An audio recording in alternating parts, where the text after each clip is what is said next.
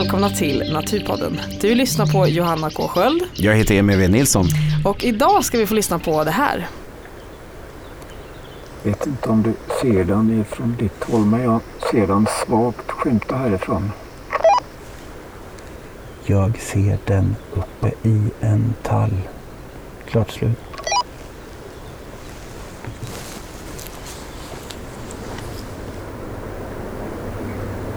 Jag sitter och tittar sig omkring. Hoppas att den ropar. Där nu ropar den. Och då lyser alldeles vitt. Jäklar vad häftigt.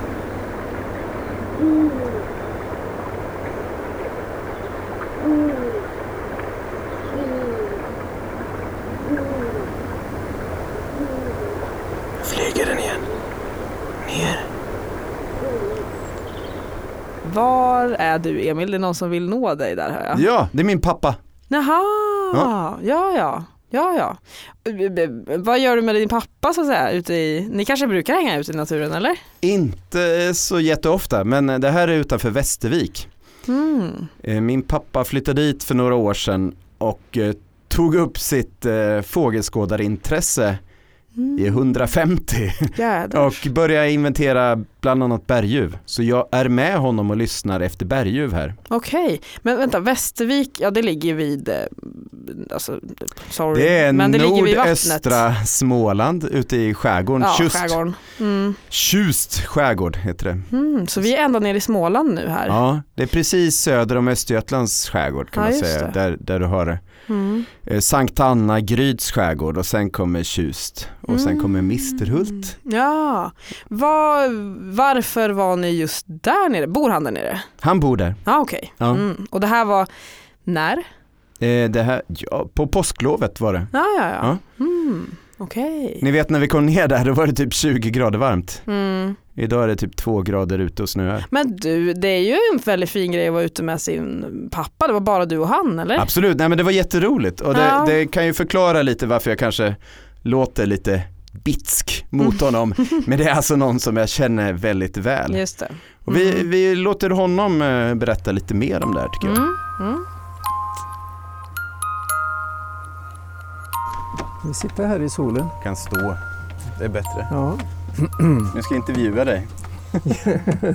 ja, kom igen. det är min pappa. Vad heter du? Lars-Gunnar heter jag. Ja. Ni- Nilsson i efternamn. Ja. Du inventerade ju inte berguv när jag bodde hemma. Nej, det gjorde jag inte. Man var jag faktiskt med och byggde berguvsvoljär i Borås djurpark. Och det var Berguvs sydväst, en bland de första voljärerna som byggdes då. Det var innan jag var född. Tills, ja, tillsammans med Dag Pettersson 1967 var det. Ja, Så då började jag bli intresserad av berguv redan ja. då. Sen hade du ett litet uppehåll Ja, där har det gått många år. fram till 2000. Ja, 12 ungefär. Ja. Vi flyttade hit till Västervik då och då eh, blev jag ju mer och mer pensionär och idag är jag nästan heltidspensionär och har mycket tid till fritidsintresse som Ja, så du har, fåglar gått, du har gått från så här arbetsnarkoman till... fågelnarkoman. Fågelnarkoman. Ja, nästan. Ja. Jo, Det nej, är en det är positiv utveckling tycker jag. kul. Tycker du det? Ja, det tycker jag. Men sen när jag kom hit så eh, och ägnade mig mer åt fågelskådning och träffade på intressanta fågelskådare här. Så en idé vi hade då det var att lyssna efter berguv. Det hade inte man gjort på flera år. Man hade inte följt bergstammen här. Mm. Och eh, det satte vi igång. Och, eh, Så det var ingen som inventerade berguv då? Nej, på, Det hade varit- man hade gjort det något år tidigare om det var 2000. För du har pratat om några äldre Ja, det herrar. fanns tidigare någon undersökning från, var det år 2000 tror jag, den senaste som Sveriges ornitologiska förening gjorde nationellt då. Ja. Och då hade man även gjort den här och det fanns ju en del data från den tiden. Och eh, mina kompisar, eh, fågelskådare här, de eh, tyckte att det vore intressant att följa upp det här och se hur Ja. utvecklingen har gått. Så det började med för tre år sedan. Och det tyckte jag var väldigt spännande. Så eh, vi, jag var då med och ringmärkte ungar och så vidare. Vi, alltså vi började med att vi gjorde inventeringar på våren då. Ropande För- hannar. Ropande hannar och om vi, ibland hörde vi både hane och hona Ja. och så vidare. Hur, hur är man skillnad på hane och hona? Ja, hanen har ett dovare ho-läte och honan ett ljusare ho-läte. Va? Fast honan har också det här revlätet som låter väldigt vasst. Rev, rev, rev. De skäller nästan. Ja just det, det, det är Eh. nästan som slagugglans Jeff. Ja, där eh, flera ugglor har något liknande, Ja. den här typen utav läte. Och, Ja. eh, eh, så det, vi åkte, började åka runt och, och leta igenom gamla kända lokaler. Och eh, efterhand som åren har gått så har vi utvidgat det där så har det blivit fler och fler lokaler. Eh, i, just i kommunen här då. Så att idag så har vi väl eh, konstaterat att vi har 30 platser i kommunen där eh, vi har hört berguv ropa eller där man i, under den senaste tioårsperioden har hört berguv. Eh, eller sett berguv eller konstaterat häckning då. Ja. Och det största indiciet för häckning det är ju när man eh, konstaterar att det är levande ungar och fötts i boet och det gör vi ju då i samband med ringmärkning som sker i månadsskiftet maj-juni Ja. ungefär och senare då. Men det är inte tidigare än så för vi vill absolut inte komma in och störa berguven i dess häckning. Då. Den, eh, berguven är väldigt störningskänslig under sin häckningsperiod men efterhand som ungarna blir så stora så blir det ju driften att mata ungarna och ta hand om ungarna så starkt så att man stör dem då minimalt om, när man kommer in vid den åldern, alltså när ungarna är minst fem veckor gamla. Ja. Och under den, de här åren så har det gått både upp och ner för berguven. Det har gjort det väldigt mycket och ehm, vi har väl eh, förra året, alltså år 2016 var ett riktigt rekordår här. Då hittade vi ju 12 ungar, eh, 20 eh, konstaterade häckningar och det är rekord någonsin som man känner till bakåt i historien här. Men det kommer vi inte få se ikväll. Nej, vi kommer Utan inte... eh, vad är det vi ska göra ikväll? senare. Ikväll Ja. ska vi lyssna på, försöka lyssna på en lokal där, vi, där jag inte har varit. Eh, Jag känner inte till att någon annan har varit och lyssnat här.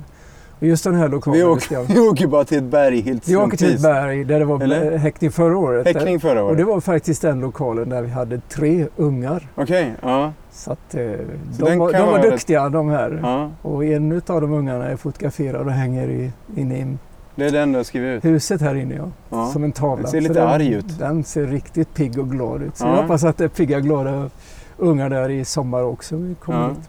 Mm. Ja men det blir ju spännande. Vi kör med två parabolmikrofoner då. ja, Mm, det är kanske inte optimalt för berguv men det är det, det är det vi har.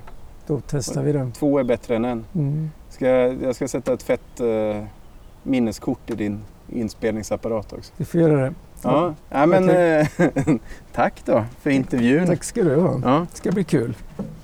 Ja, ska vi titta på belägenheter?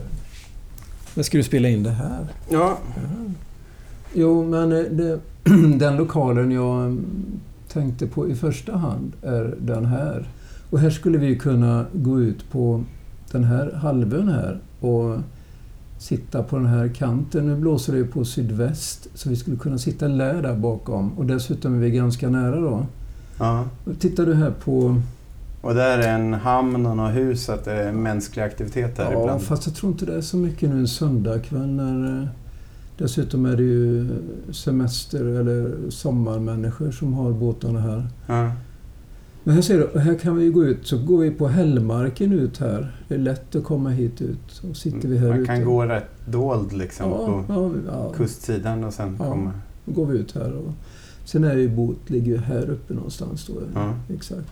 Så här borde vi ligga, ha en väldigt bra belägenhet då för att kunna höra ön. Belägenhet. Ja, eller vad Ja, kan det-. Ett bra, bra den, läge. Den, bra läge. Den, Ja. den ligger bra. Men det, det såg bra ut där tyckte du? Jag tycker det ser jättebra ut. Jag vet inte, men jag tänker bara man får med lite eh, fiskmås eller Ja, någonting. men det tror jag. Det så att tror det jag låter att, lite hav. Och, Den viken in där tror jag finns skäggdopping i till exempel. men eh, man vill ju få in berguv. Så var det papper där jag skulle lägga i bilen. Hej då!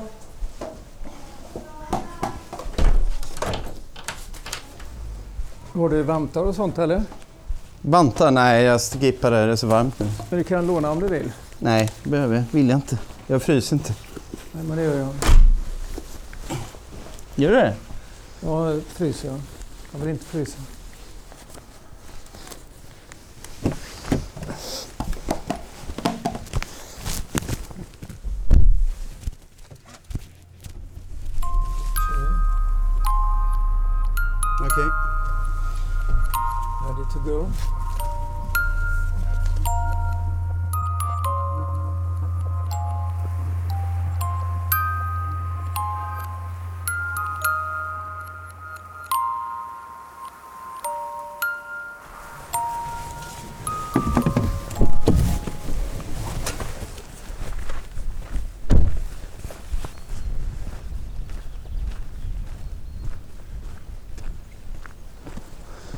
Hur tänker du? Eller vad?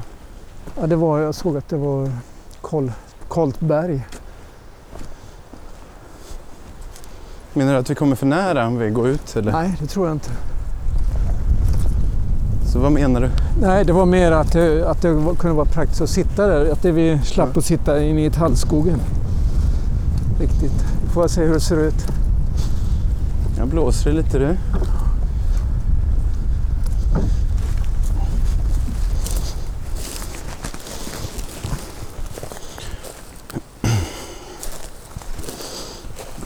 Hällmarken här. Med gles tallskog. Några enar och renlav på backen. Mycket ris som ligger på backen också.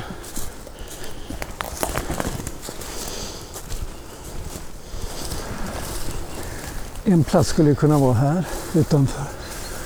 Lite längre upp eller? ja. Och en längre ut på udden då. ja. Så det ser ut här. Jag sticker hällarna upp en 5-10 meter ovanför havsnivån. Så anar man berget på andra sidan den här lilla viken. Ja, här är ju rätt bra. Här skulle jag ju välja som en plats här. Det här ser jättebra ut. Man, Mm. Här borde man få bra ljud samtidigt som man inte exponerar sig speciellt. ja, frågan är om man kan få upp parabolen högt. Det tror jag är bra. Så man är, Det blåser inte här så det blåser inte ner i parabolen heller. nej. Eller i mikrofonen. Det är också möjligt att se någonting här för att man ser Ja, det här, här är nog bäst möjligt. Det är ju...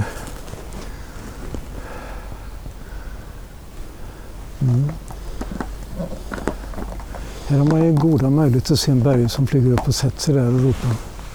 Eller hur? Det känns som att Ja, man ser toppen på berget. Vi väljer kameran här då. Ja. Men eh, ska jag sitta här och du längre? kan vi göra. I princip kommer du närmare ljudet kanske. Men jag tänkte jag skulle dra mig åt den ungtallen där. Ska vi ta en av de här? Eller ringer du med mobiltelefonen? Hur gör man med den? Där? Ja, sätter man på. Nu är den på då. Den också då. Jo, när man pratar då håller man in, tjuter, då håller man inne den. Pratar så här. Mm.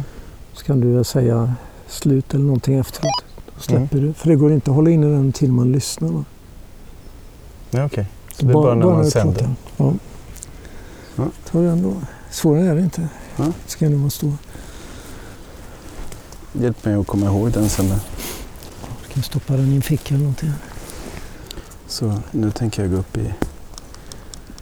Nu ska du upp i Ska du gå viskläge. med bort eller ska du? Nej, du får gå själv. Ja, men jag har ju den här då. Ja, så nu är min på mera viskläge. Och då går jag bort en hundra meter till.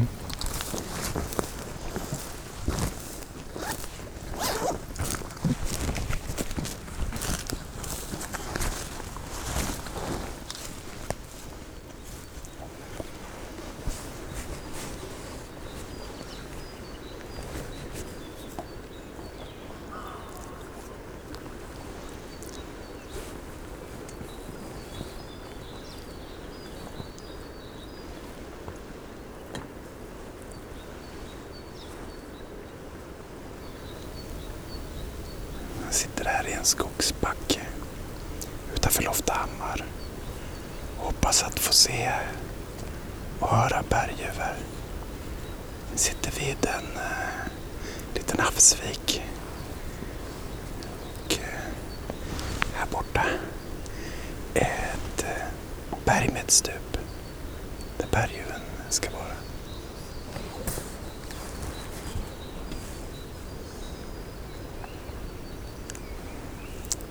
Då är jag på plats och har satt på alla grejer. Är du på plats nu? Kom. Ja, jag har satt igång eh, inspelningen nu också då, så jag sitter här och lyssnar. Kanon, då kör vi tyst läge nu då. Stopp, hej, tack, over and out.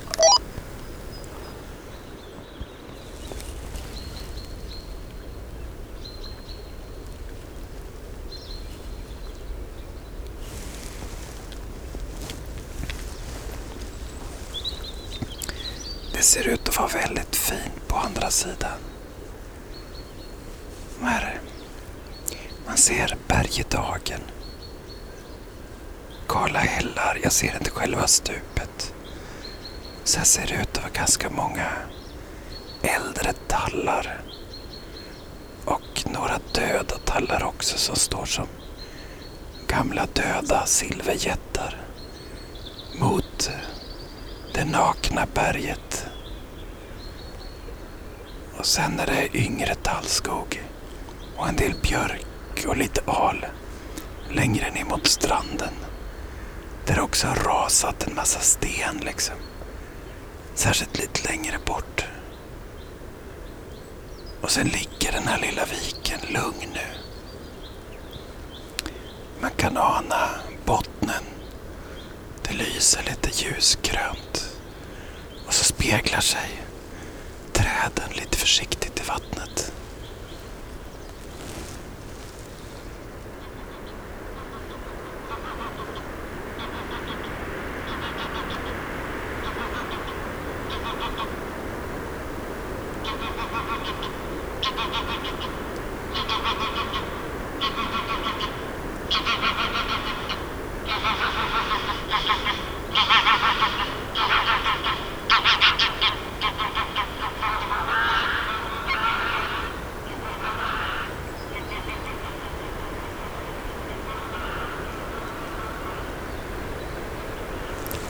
Nu blåser det väldigt mycket.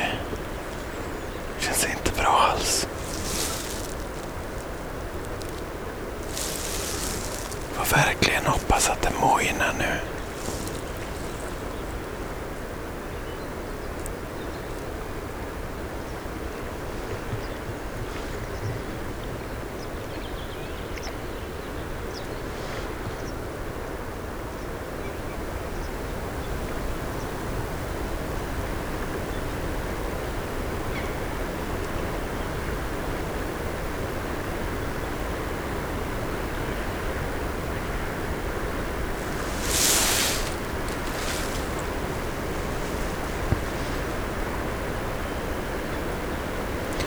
Nu har nog solen gått ner men det blåser ju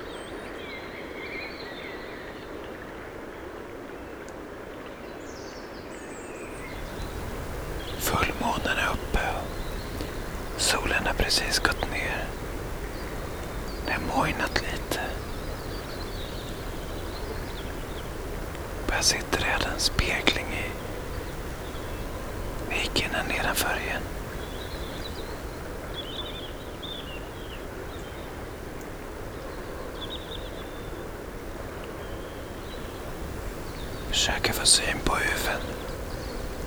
Än så länge har jag inte sett någonting. Jag tittar högt upp. Jag har hört att de brukar sitta högt när de ropar.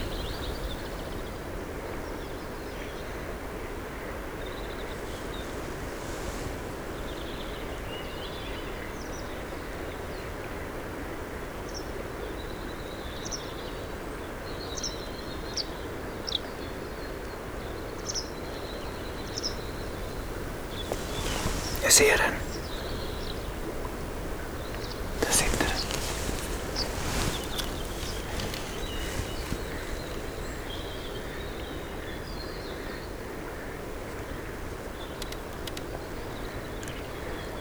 Emil, den flög upp och satte sig i en hög utav höga tallarna.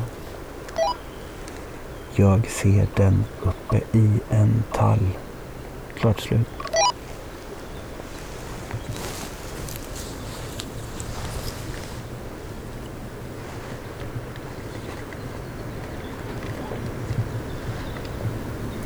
Man ser vi- lyser liksom vitt om halsen på den. Jag kan bara ana ytterkonturerna. Jag ser någonting stort brunt i tallen.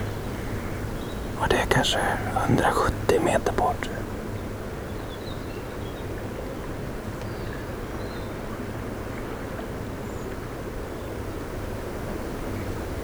Jag sitter och tittar sig omkring. Hoppas att den ropar. Där nu ropar den. Och då lyser det alldeles vitt.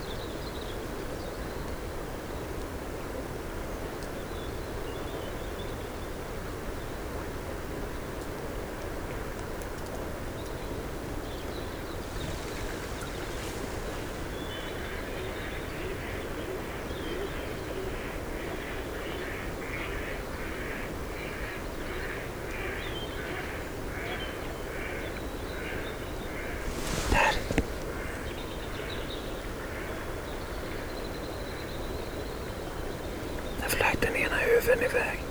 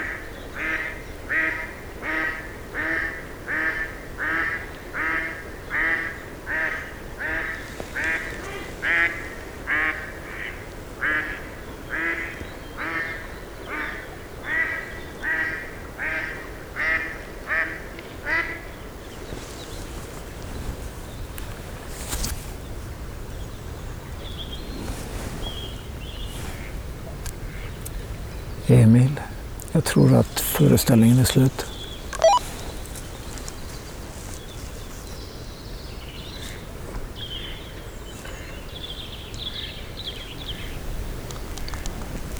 Hallå? Det var väl helt suveränt var det det? Ja, jag såg både... Du hörde både hona och hona Ja. pa- parningen då också. Ja, ja, det hörde jag inte så tydligt. Hörde du? Ja, det Men sen såg du när han satt där uppe? Ja, jag så såg det vita när den hoa. Ja. Och sen flög den ju över hit och satte sig här emellan oss. Jo, Jaha. Och, eh, men det såg, jag såg inte den satte sig. Jag tror den fortsatte ut. Så jag satt och väntade på att den skulle hoa om den här uppe. Men det gjorde den inte. Och då sa jag till när jag ringde upp och sa att föreställningen är slut, sa jag. Jaha. Och då när jag sa det, då, då flaxade det till och så flög den tillbaka över viken. Ja, för jag såg, jag såg där. någonting ganska Ja. stort som kom helt utan att jag hörde något. Ja, det var den. Ja, jag, jag gissade nästan den. Ja, jag har aldrig sett så... Eh, alltså jag såg ju när han satt, flög upp och satt på berget och hoade på en annan lokal. Men jag såg ju han satt där uppe och rosade. Det var rätt fint. Ja, det var, det var suveränt. Du såg den i, i tallen också, eller? Dö, Ja, där uppe, ja. dödträdet. Och jag klickade ju till det till... Jag, jag hörde inte riktigt vad du sa så jag slutade prata. Okej. Ja. Nej, men det var väl suveränt. Då lyckades vi med det här i alla fall. Nej, det var grymt var det. Ja. det var, och jag trodde inte det skulle bli något för att det blåste ju rätt mycket.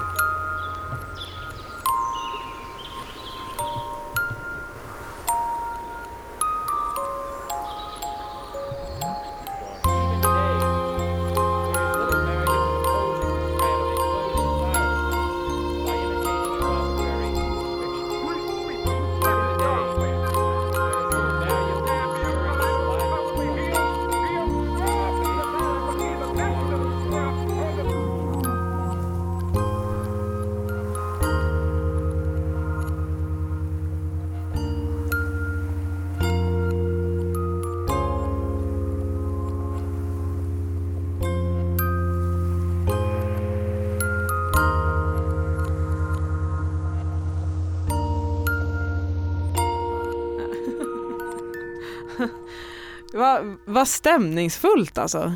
Det är fint att lyssna på UV. Ja men Ja. verkligen. Särskilt när det lyckas. Ja, visste ni att det var en hona i, i också så att säga? Nej men där också. Nej, jag För- tror pappa visste väl inte mer om det här stället än att de hade ringmärkt tre jämnstora ungar tror jag året innan och det är ju lite Mm. ovanligt. Ja okej. Alltså tre ungar jämnstora. Oftast Mm. kan det ju vara så att en unge är mycket mindre och dör Ja. liksom. Ja, ja okej, men här var det kanske tre överlevare då. Ja, Hmm. Men, men för det man hör, det är Mm. alltså både hane och hona alltså? ja det, är ju, det är ju hanen som ropar liksom. Ho! Mm.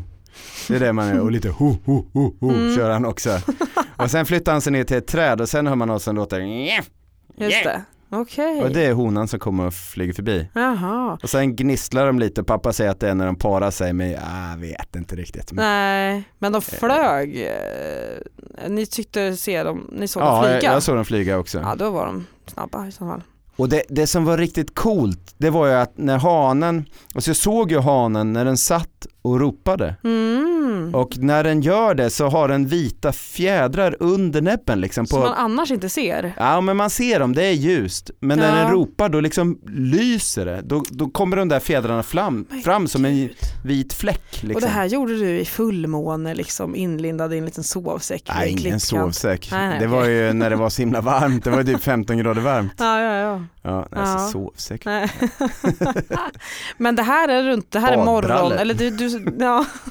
Men vilken tid på dygnet ska man Det här hänga? är, det här är skymning. Det är skymning. Ja. Mm. Och de ropar bara i skymning och gryning. Okej, Så de ropar inte mitt i natten. nej nej, nej.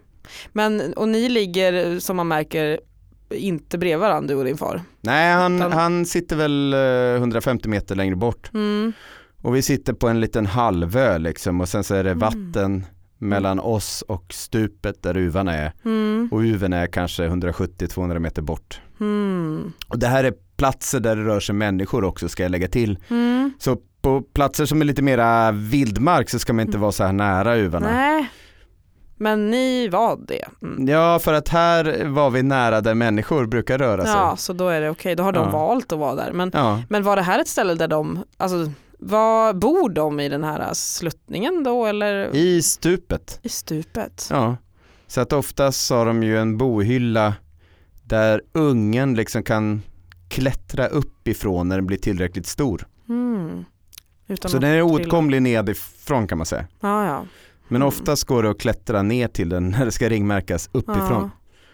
Ja. Eh, Hur kommer man dit för att ringmärka? Ja, Ja. Nej, men det kan ju vara jättekrångligt. Ja, men, men det där ska vi inte gå in på så Nej. mycket egentligen för det där är ju specialgrejer som man ska överlåta till Ja. eh, ansvarig personal höll jag på att säga. Ansvarig, ideellt väldigt engagerad person.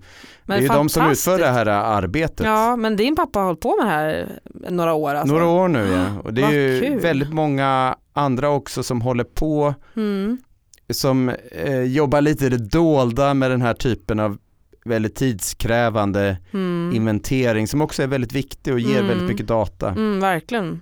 Så ni är säkert fler där ute som kanske inventerar i smyg. Ja, ni är bäst. Ja, fortsätt med det. Ja. Och vi kan göra podd om er. Ja, precis. Hör av er. Ja. Vi ska göra lite grejer eh, senare faktiskt. ja. Nattskärra ja, till exempel. Ja, just det. Om det inte Mm. regnar bort. Mm. Nej men det är ju jätteviktigt att allmänheten engagerar sig. Alltså, det, är, det är toppen. Jag kan ju säga det här med berguvarna också att det var ju en väldigt fin kväll när vi var ute. Det blåste ju en del så jag Mm. trodde inte det skulle bli någonting men det Nej. blev det. Mm. Sen var ju jag och pappa ute några dagar senare på ett annat ställe. Mm. Eh, då låg vi ju, då var eh, väldigt still väldigt länge. Så Mm. pappa trodde jag hade eh, Somnat. dött, somnat.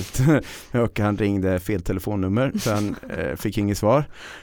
så till slut Så gick han ut, till slut, började, sen- till slut började det komma en, en kattuggla och ropa ut i Nej, skogen. förstår jag att det var han som var ute och letade efter mig. Men då hörde vi ingen berguv alls. Då var Nej, det helt okej. tyst. Ja, ja. Men vilken tur ni hade då.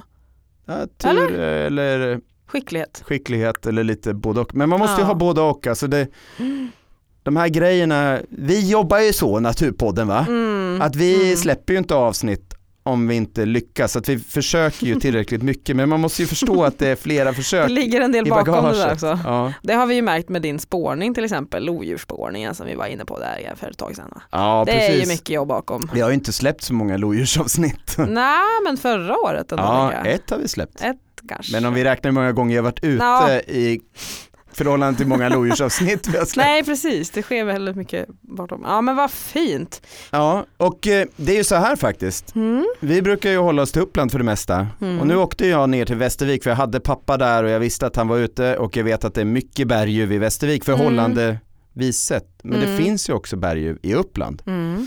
Eh, så för att ta reda på lite hur det ligger till med berguven här kring så ringde jag upp Alar Broberg. Mm, Ja. Mm. Så eh, hallå i luren.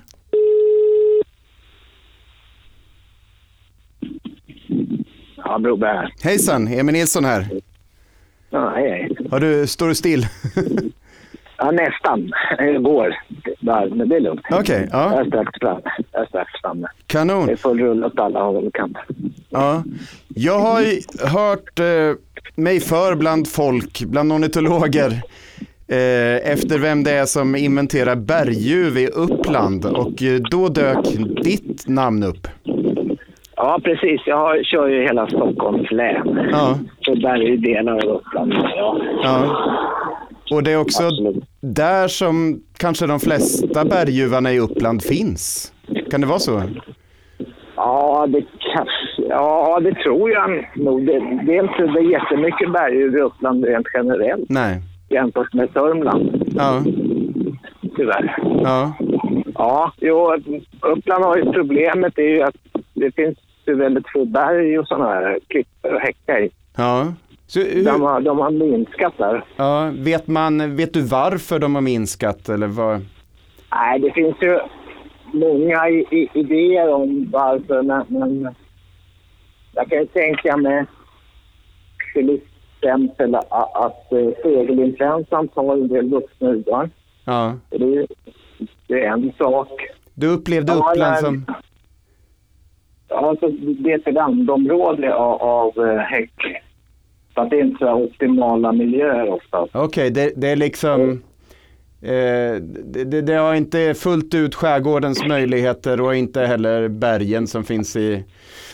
Nej, Dalarna inte på och västerut. heller precis. Nej, Nej. precis. Och, och då när de häckar på sådär så på, på hyggen och, och sådana plattmarker så att om de vuxna dör så verkar de inte ersättas där uppe lika fort. Okej, men, men eh, eh, inventeras berguv aktivt i, i Uppsala län?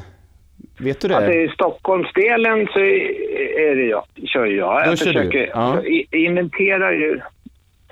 Det är lite lurigt för att det, berguvar är inte så där lätt inventerade eller jävligt svårinventerade. ja, Så att du kan ju inte åka runt och lyssna för chansen att höra nu även om det finns ett revir i närheten är liten. ja, Så att det är svårinventerat. Så att mycket går ju på ja, lo- ja, observationer. Det andra är ju att vi går på gamla lokaler som alltid nästan blir återbesatta. ja. Men när det gäller Uppsala län just, tror du, tror du de gamla lokalerna är tillräckligt liksom... Finns, finns det folk som har koll på de gamla lokalerna? Eh, Det finns ju några, absolut. Jag tror att Bill och han och de har ju Ja. koll. Ja, Eh, sen finns det väl han Lasse Gustafsson, Slaguggle-Lasse där. Ja. Han har ju koll på några urpar vet jag. Och, ja. Så, så att det finns några som har bitvis, men jag tror inte det är någon som har full koll på hela Uppsala län. Det tror jag inte. Nej, Nej Men hade väl han Johan Månsson på Länsstyrelsen viss koll också när Ja. han jobbade där. Ja. Nej, man blir ju lite sugen, jag blir ganska inspirerad efter jag varit ute med min pappa där. Och hur, många, Ja. hur många par är det ungefär som, och hur många par får ut ungar ungefär? Alltså, ja, det som brukar få ut ungar ungefär om året ligger väl mellan 15 och 20 par kanske. Ja, Eh, och sen, kan det, sen finns det ett, ett tiotal, ja, upp till kanske eventuellt upp till 20 par till. Då, så nå, någonstans mellan 40 och 30 par i Ja. Stockholms län. och, och, och populationen i Sverige, hur stor är den? Ja, den är, nu är man nog nere på en bara 400 par eller något sånt Ja, det är inte mycket, så det, det är 800 reproducerande individer liksom? Förhoppning, Ja, förhopp, sen- det, är inte ens, det är inte ens de som reproducerar sig utan det är bara att de har Ja, och ha, hane och hona liksom. Ja, precis. Och, och oftast om uvan inte har bra livs... Alltså jättemycket, om de inte häckar nära en soptipp eller mycket käk så där på vintern då, då häckar de kanske vartannat, vart tredje år bara. Ja. Så att det, de häckar ju inte varje år heller. Ja. Finns det liv, finns det hopp liksom? Oh, oh, ja, oh ja, jag menar absolut. Och som sagt, det, det finns ju hyggeshäckningar och det har jag hittat också där det går bra. Så Ja. det, absolut. Hur, har du koll på hur det ser ut längre liksom åt nordväst och sådär eller liksom Dalarna och Dalarna säger de att det minskar. De har ju stora problem, tycker de, att där minskar det. det minskar där det också? verkar, ja, det verkar minska generellt rent, rent över hela Sverige. Okej, men det är ju Men näst, det- kan man undra vad det beror på? Ja, jag tror att den här fågelinfluensan är ju, den, det var ju flera uvar som, i mitt, som härifrån som fick den aggressiva. Nu vet jag i vinter har ju gått åt ett antal havsörnar både i Sverige och i Finland som har fått fågelinfluensa. Så den finns ju där och de är, det är ju, både havsörn och berg vill ta i lättaste bytet. Och är Ja. det en ligg eller soltöna som simmar runt i cirklar bara så är det ju lätt att hämta. Ja, och pilgrimsfalken här i Uppsala dog av fågelinfluensa nyligen. Ja, ja precis. Eller den blev ja, förvirrad och flög rakt in i, kyrk, kyrkans Ja. vägg helt enkelt. Ja, precis. Så att det, liksom, och det var ju väldigt tråkigt i och för sig. Men men Ja. jag tror att den finns fast vi inte märker av den riktigt lika mycket som när det var som paniken. Då. Ja, precis. Ja, men lysande. Men då, då Mm. eh, får jag tacka så mycket för det här Ja, samtalet. Att du fick en liten, jag fick en liten orientering om hur, hur situationen ser Ja. ut eh, här i kring. Absolut. Så jag inte bara har Ja. koll på Västervik. Nej, nej. nej men, och sen det, om folk hör och ser uvar så är det bra om de tipsar. Ja, och då, då går det bra att rapportera till Artportalen eller hur ska man? Ja, Eller- eller så går det direkt till mig eller Skärgårdsstiftelsen i Stockholms län. Ja. Eller, Och Alar. Broberg heter du. ja, Arland. Ja. Alar, så ut, Alar Broberg. Mm. Så att, och det, ditt namn gick ju att hitta. det, Ja, är ja. bra med lite ovanliga namn. Ja, ja, visst. Och det Ja. är bara att ringa eller hoj- hojta till. Ja. Vi är mycket beroende av tips från folk just för att det är helt, det är helt så häckar de bakom huset på något sommarställe är på sommarstugetomtar Ja. och sånt där. Ja men bra jättetack, det. tack för samtalet. Ja, det är bra. Mm, Lycka tack. till själv. Tackar, tackar. gott. Mm, hej. Hej. Hej.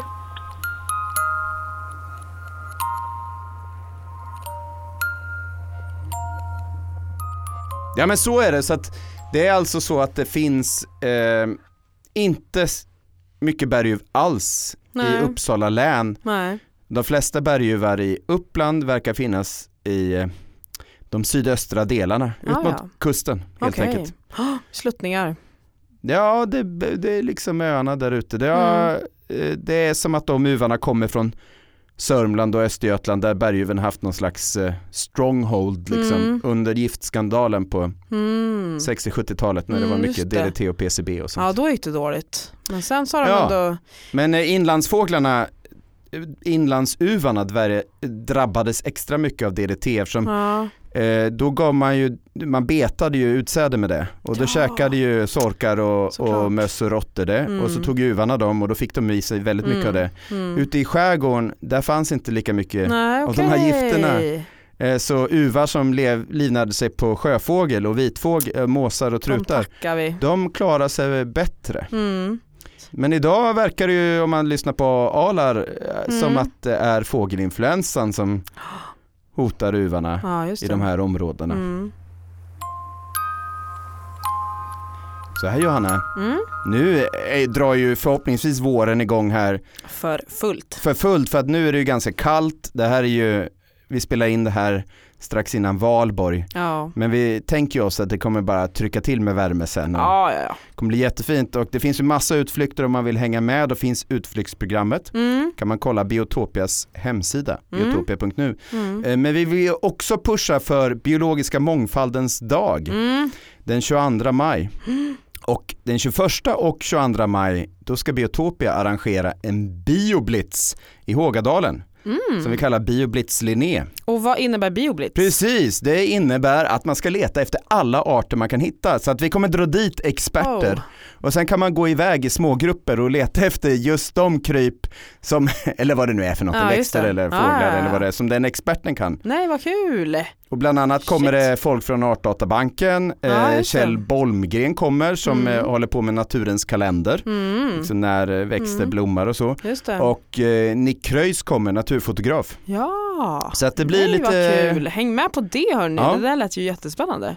och sen så liksom matar man in allting i Artportalen. Ah. Så att det är ett sätt att liksom kolla Ja. så mycket som möjligt vad som finns och det är ett lysande sätt att lära sig mm. nya organismgrupper. Ja, och tillsammans med folk som har koll är kul. Ja. Det kan ju vara svårt att gå runt med en bok själv liksom. Men i nästa avsnitt av Naturpodden då ska vi långt ut i skogen och spana efter de skygga, mm. undflyende och Infraljuds- dynamiska Förlåt. Mm. ja, eh, skogens drakar.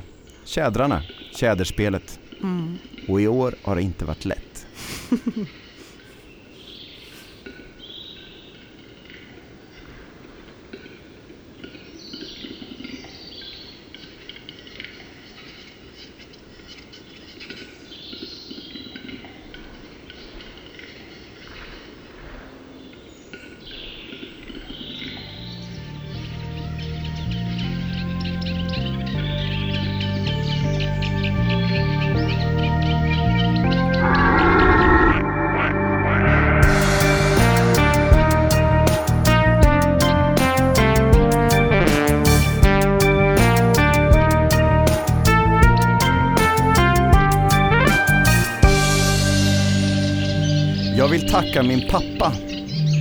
bara för att du är som en far till mig, utan för att du också engagerat dig så mycket för berguvar och andra fåglar eh, i trakterna runt Västervik.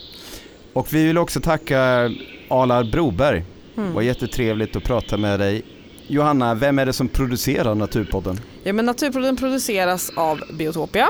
Ja, Mm. Och vi hänger i en studio som är i närheten kan man säga. ja, och det är Uppsala kommun som står för kulorna för Biotopia till Precis. allra största grad och sen pröjsar Upplandsstiftelsen en del också. Mm. Och det tackar vi verkligen för. Verkligen.